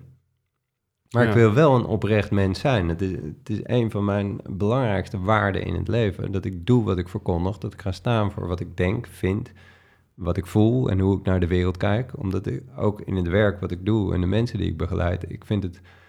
Ik kan mensen niet beter begeleiden dan de plek waar ik zelf ben afgedaald. Dus ik heb een Ja, soort. ja. En, en en als je zegt niet oprecht, heb je daar dan ook weer een, een uiting of, of een voorbeeld bij? Oh ja, al- als ik zeg. Voorbeelden wat ik vaak noem, maar dit, het weerspiegelt gewoon exact wat ik bedoel. Als ik tegen Simone, mijn vrouw, zeg van ik, hou van jou, ik heb je onwijs lief en je bent de belangrijkste persoon in mijn leven. En we hebben elkaar een dag niet gezien. En ik, eh, ik zit thuis aan de keukentafel een mailtje te tikken voor ons bedrijf. En zij komt thuis en ik kijk niet op of om. Omdat ik vind dat ik eerst dat mailtje moet aftikken, omdat ik daarmee ons bedrijf eh, een dienst bewijs. Dan heeft zij niks aan mijn goed bedoelde woorden. Op het moment dat ik daar mezelf voorhoud dat ik wel een oprecht persoon ben, dan gaat er nergens een lampje branden dat mijn actie op dat moment niet overeenkomt met wat ik verkondig. Maar op het moment dat ik me realiseer dat er momenten kunnen zijn waarop ik niet oprecht ben, maar wel een oprecht mens wil zijn, dan du moment dat zij dan binnenkomt en ik zit eerder nog te tikken, dan ergens gaat er een lampje branden en die denkt van, hé, hey, maar dit is niet in lijn met wat ik verkondig. Mhm. En dat is het moment waarop ik in staat ben om bij te sturen, de laptop dicht te klappen en haar toch de aandacht te geven die ze op dat moment verdient, Ja. omdat het in lijn is met wat ik verkondig. Is het benoemen, hè, wat, wat volgens mij dit soort dingen benoemen kan alleen maar door zelfbewustzijn te verhogen. Want je moet ten eerste weten dat je niet oprecht bent, anders kan je eh, ja, het niet benoemen. ja, dat is zo simpel. Nee, maar zo is het. Ja. Ja, is, is het bewustzijn daarin op zichzelf al voldoende? Want er wordt wel eens gezegd, ja, ehm, er is ja, nieuw gedrag doen. En het is bewustzijn van niet dienend gedrag of oud gedrag. Heb jij het gevoel dat op het moment dat je je bewust bent van een probleem, dat je als vanzelf nieuw gedrag gaat vertonen? Ja, ik, eh, ik zal een anekdote noemen wat, een antwoord is op je vraag. Er is ehm, eh, ver terug in mijn proces toen ehm, heb ik toen een keer een afspraak gemaakt. Ik, ik was op zoek naar iemand die opstellingen deed en ik kwam op, via via op de naam van Hilke Bonnema. Ik ken hem. En ehm, hij stond toen nog helemaal aan het begin van zijn proces. Hij is nou een onwijs bekende eh, opsteller, is daar heel erg goed in. Maar eh, hij stond toen aan het begin van zijn proces en ik in mijn proces. En ik, ik had hem eh, contact met hem gezocht en ik ontmoette hem ergens in de buurt van Alkmaar... bij een van een groot eh, kasteelachtig ding, daar deed hij zijn sessies. En ehm, ik was een van de weinige keren dat ik echt op tijd was en gewoon te vroeg. En, eh, dus ik zat daar op hem te wachten en hij kwam aanlopen. En terwijl hij naar me toe kwam lopen en we bij elkaar waren... toen zei hij van, ja, dit is wel apart. "Ah, dit is wel apart, zei hij. En waarom? Ja, het was toch apart dat een dokter uit een reguliere circuit naar iemand toe kwam die opstellingen deed. Dat is toch een beetje een omgekeerde wereld. En toen zei hij de woorden: Realiseer je wel dat als je dit pad ingaat, dan is er geen weg meer terug. En ik weet nog dat ik op dat moment dacht: van ja, ja, dat zal wel, we zullen nog wel zien. Maar hij heeft absoluut gelijk gekregen. Want op het moment dat ik langzaamaan ging voelen dat dit pad van bewustzijn, en dat is dan een antwoord op je vraag, dat op het moment dat je dat pad ingaat en je gaat merken dat dat iets doet in de relatie tussen jou en jezelf op een positieve manier, Mhm. dan is er geen weg meer terug. Want dat is de richting die je op wilt. Waarom? Omdat dat kloppend is. Ja.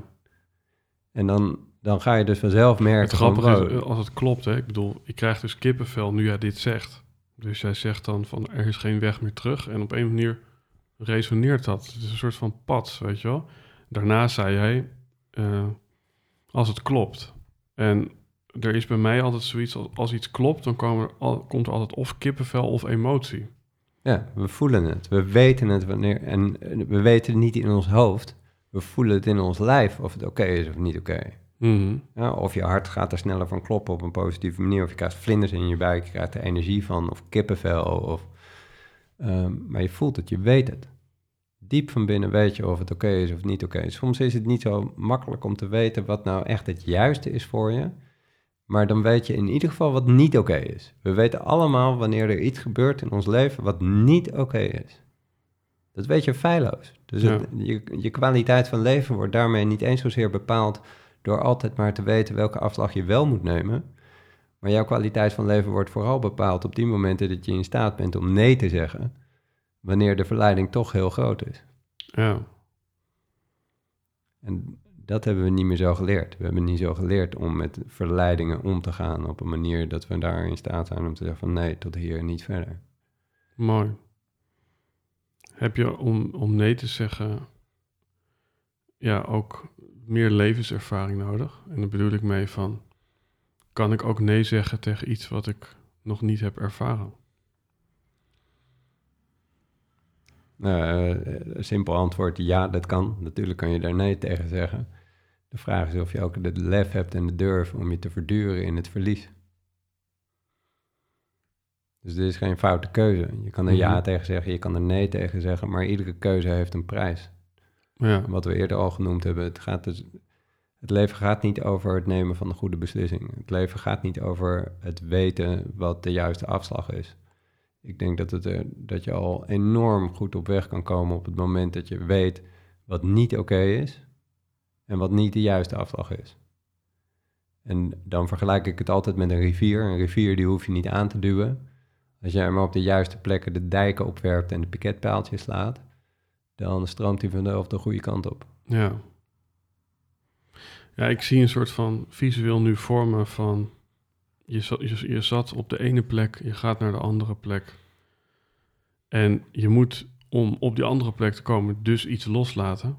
Uh, om dat andere vast te kunnen pakken. Maar het zou kunnen dat je daartussen, uh, ja, of je, grijpt zelfs mis, um, of je bent heel even een soort van luchtledig. En dat is volgens mij de plek waar je jezelf misschien kunt tegenkomen ook. Ja, geheid. En leer die plek dan. Ja, ik ben die plek enorm gaan waarderen. In het begin vond ik dat een, het is ook een shitplek. Het is precies zoals je zegt. Ik vergelijk het met altijd met het idee van dat je bij Sicilië zeg maar het vasteland verlaat en je gaat daar richting Tunesië, Marokko, wat daar ook aan de overkant ligt. En dan is er ergens een moment dat je het vasteland van Sicilië niet meer ziet, maar Marokko of Tunesië aan de overkant ook nog niet in beeld is. Mm en ben je dan in staat om daar te verduren en in contact te komen met jezelf? Of ga je dan toch weer in allerlei reflexen schieten en dat je denkt van, nou ja, dan toch maar terug? Ja. Ehm, dat laatste is veel logischer. Maar het houdt je ook op de plek waar je staat. Dus we, en ik ben die plek daar ergens in het midden heel erg aan waarderen. Dat als ik heel veel frustratie voel en als, we, als ik weer iets nieuws bedacht heb en dat ik het wel ergens ongeveer weet, maar nog niet helemaal de vorm helder, helder heb, dan is er altijd zo'n struggeling, ook in een schrijfproces, waarin ik denk, ah, shit, weet je, ik kom er niet uit. En dat is frustrerend. En tegelijkertijd ben ik dat gaan zien van, oh, dit is gaaf, want dit is gewoon de route naar iets waarvan ik nog niet weet hoe het eruit ziet, maar wat, wat wel gaat komen. Mm En als ik hier nou maar gewoon blijf ademhalen, trouw blijf aan mezelf, blijf doen wat ik iedere dag doe, dan klaart de mist vanzelf op en dan, wordt het, dan krijgt het zo meteen vorm. En ja, daar, daar ben ik dan onwijs nieuwsgierig naar. Ja, ik, ik ja, ik, ik moet, ik, ik komen twee dingen op. Um, een fotograaf die deed alsof hij een foto maakte, maar eigenlijk altijd als, als ja, een moment geweest was, dan schoot hij nog even nog een foto. En die serie heet In Between Moments. En dat is een soort expositie van ja, mensen die net weglopen uh, na de portretfoto of weet je wel. Ja. En ja, je zou kunnen zeggen dat is die plek. Dat is een, dat is een soort een hele kwetsbare, ongemakkelijke plek. Waarin het nog vlees, nog vis is. Maar waar je, waar je waarschijnlijk wel iemands ware gezicht ziet. En, ja. Uh, ik vind dat een gave plek. Ja. Ehm, wat, ik, wat ik hier ook nog heb staan, hè, ehm, Misschien is dat trouwens, het, golf nog even zo na. Misschien is dat juist ook wel de plek waar we, wat je eigenlijk al zei, is dat juist de plek waar we onszelf ontmoeten. Omdat die plek daarvoor of daarna dan eh, beheerst hetgeen wat we ons kennen. Of later hetgeen wat, wat gaat komen. Daar plakken we alweer ons goed voelen of ons zelfvertrouwen of ons zelfwaardering of zelfrespect aan. En die plek daar juist in het midden, daar, daar is niks waar je jezelf aan op kan hangen. Dus daar ben je echt aan jezelf overgeleverd. Dus is dat, eigenlijk zouden we, zou het dus waardevol zijn om heel veel van dat soort momenten in je leven op te zoeken. Omdat dat, dat de plek is waarmee je, waar je de mogelijkheid hebt om contact te maken met wie je werkelijk bent. ja, En dat, vra- dat zou dan dus vragen. Ik realiseer me dat ik dat eigenlijk dus al van nature doe. En jij, zoals ik je ken, ook. Dat het dus waardevol is om heel veel momenten in je leven op te zoeken die ongemakkelijk zijn. Waarvan je iets nog niet weet. En dat het doel niet is om het wel te kunnen of te weten. Maar dat het doel eigenlijk is om op deze plek die je net hebt beschreven. Om daarmee in contact te komen. Omdat dat de plek is waar je jezelf leert kennen. ja. En die plek waar het ongemakkelijk is, hè, dat is misschien ook eh, die 40ste kilometer van die marathon, toch? Dus, dus, dus, dus Ja, als je dan nog een beetje helder van geest bent. Nou ja, maar ik kan me ook voorstellen dat, nou, we noemen het, ik weet niet hoe, misschien een plek van leegte of een plek van eh, twilight zone of wat dan ook. Eh, de rotonde, waarin je ja, op de, in, de, in de mist zit en nog niet weet waar de afslag eh, naartoe leidt. Maar dat kan ook misschien weer een trucje worden of niet, om, om telkens ja, een soort van ja, te gaan bungee jumpen of eh, nog even een kwartier langer in de zweten te blijven zitten, weet je wel. Dus, want, want dat is Ja. namelijk ook wel een patroon wat ik om me heen zie. Van een soort van, bijna een soort ma masochisme, weet je wel. Van, we zoeken maar gewoon de hele dag de grenzen op, want dan leren we onszelf wel kennen. Ja.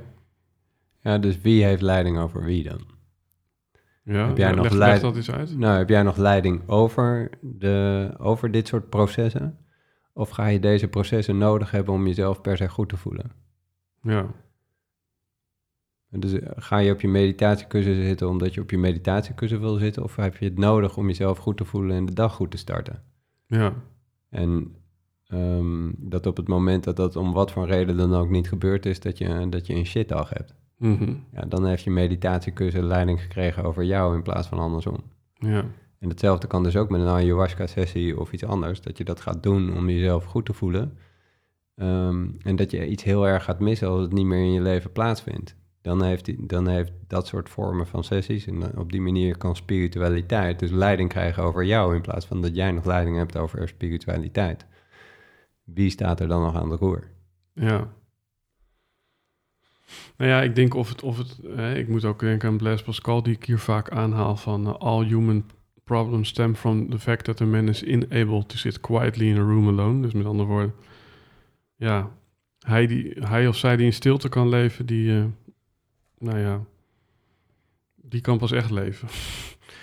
en, en, Ja, ik maar denk- dat, ik- ja, Ik haak daar wel op aan, ik geloof daar wel in. als je naar jou persoonlijk kijkt, hè, zit, zit voor, voor jou die, die antwoorden op die onderzoeken en die vragen die we net behandeld hebben, zitten die vooral in het opzoeken van de stilte? Of juist in het jezelf blootstellen aan extreem ongemak in de vorm van bijvoorbeeld zweethutten of vechtsport? Of, Nou, het is niet of-of, het is en-en. Ehm, Zo'n gesprek als wat we nu hebben, dat kan opeens mezelf weer dichter bij mezelf brengen. En opeens van, hé, hey, oh ja, dan gaan twee haakjes weer aan elkaar, eh, in elkaar slaan. Het kan, kan een boek zijn wat me inspireert. Het kan, maar zeker ook de stilte. Mhm. Ehm, en ik denk dat het dus de, datgene wat binnen de reguliere geneeskunde dus absoluut niet geambieerd wordt, namelijk dat mensen gaan shoppen en overal hun kennis en kunde vandaan gaan halen, ehm, denk ik dat op het vlak van bewustwording het juist heel waardevol is om heel veel verschillende dingen te doen En daar uit al die dingen iets te pakken wat voor jou kloppend is. En dat is, eh, voor de een is dat een kleiner puzzelstukje, voor de ander een groter puzzelstukje. Maar het zijn allemaal puzzelstukjes. Mhm. Dat maakt voor jouzelf uiteindelijk het beeld compleet. Dus ja, doe zoveel mogelijk, onderzoek zoveel mogelijk, wees nieuwsgierig en ehm, kijk uit iedere ervaring die je opdoet wat je daaruit mee kan nemen. Mhm. In essentie is het zo simpel.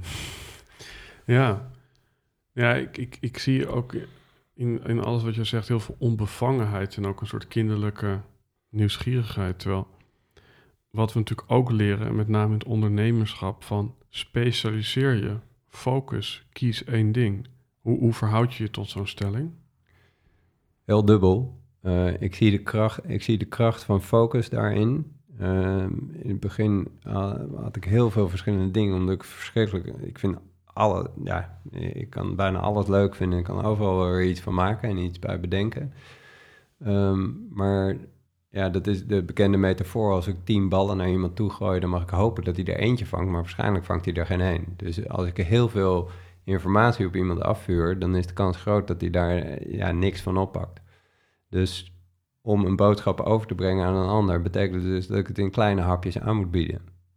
En daarin heb ik mezelf dan te verduren en, te frustreren en in de frustratie te handelen dat ik heel veel wil, maar dat als ik mijn uiteindelijke doel daarin wil bereiken, namelijk dat ik daar een bijdrage lever aan het leven van iemand anders, dan heb ik dat dus in kleine stukjes aan te brengen. Um, nou, daar, daar heb ik veel in moeten leren en nog steeds.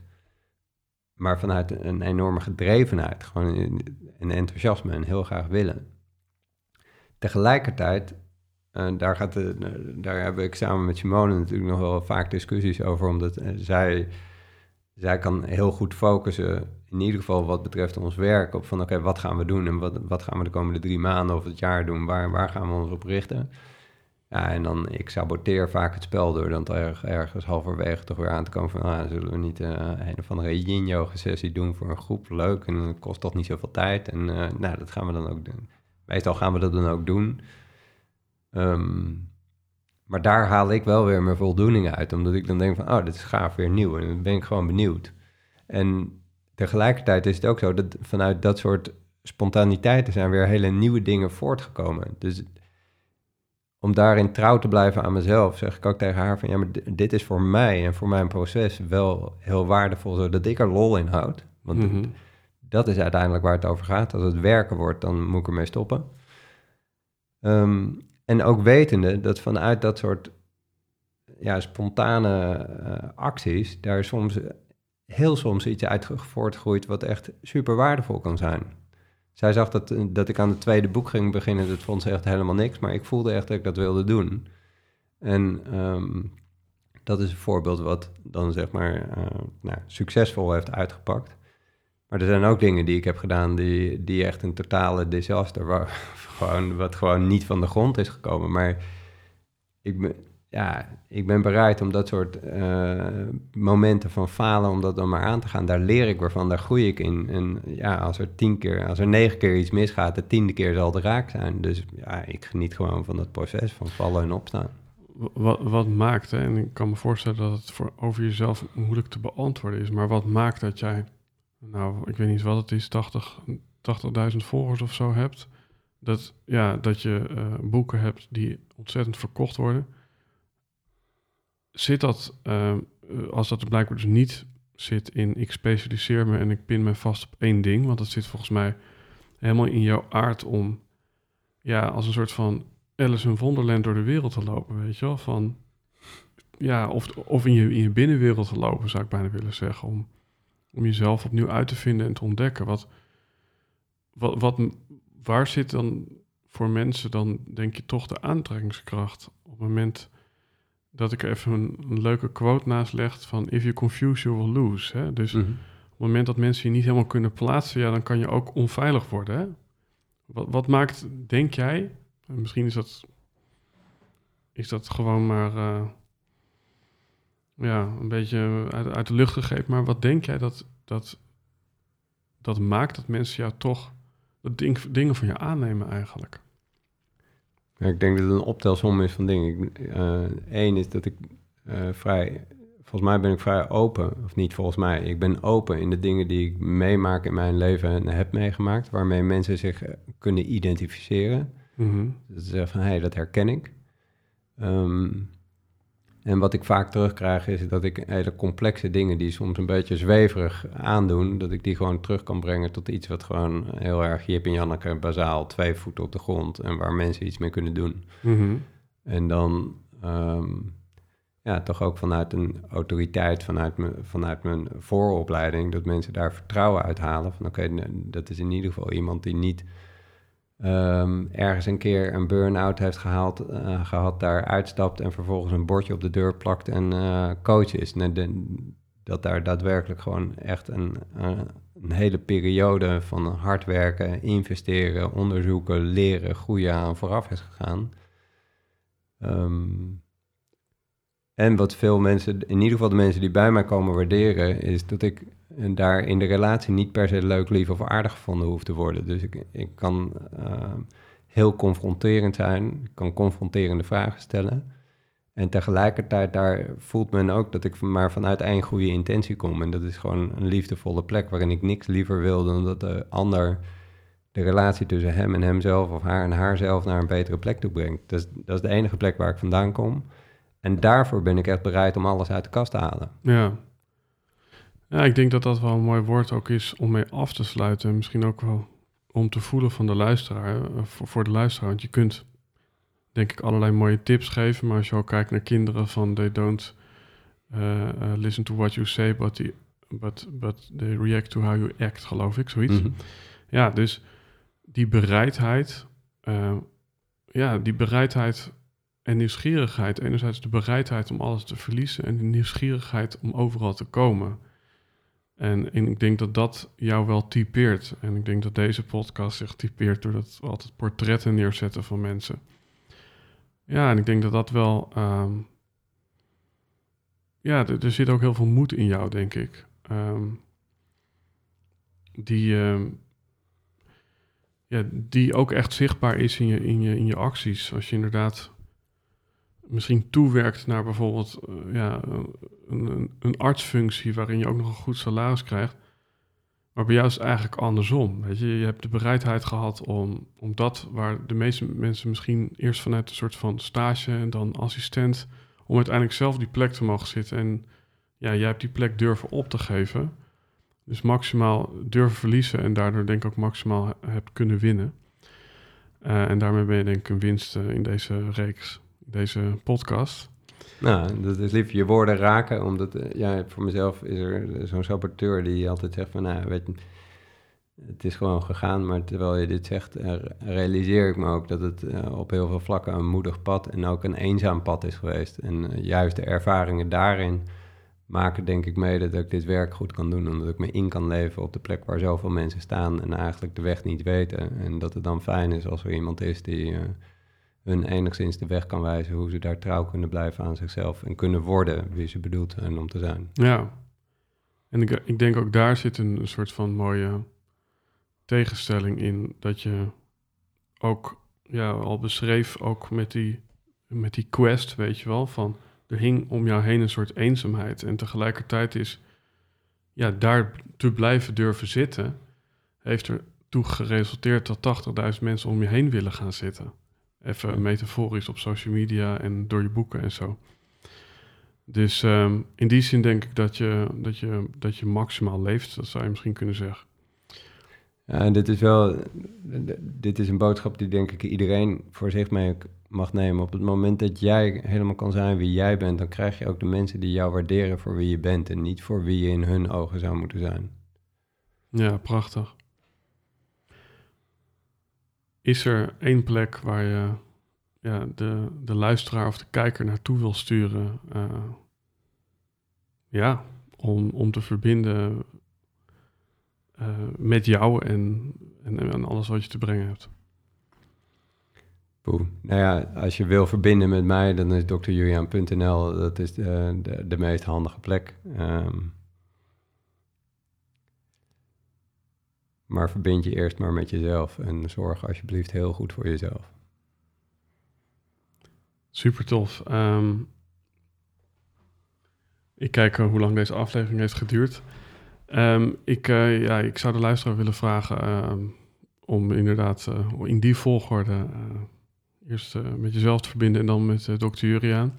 Overige links van Juriaan kun je vinden in de show notes van deze aflevering. Wil je meepraten over deze aflevering? Hashtag Helden en Hordes op al onze social media kanalen. Ehm, en vergeet ook zeker niet even te abonneren op YouTube. Uh, ja, tof om op deze manier te verbinden. En uh, dan uh, wens ik de luisteraar een mooie volgende aflevering. Dus tot de volgende aflevering van Helden en Hordes. Dankjewel.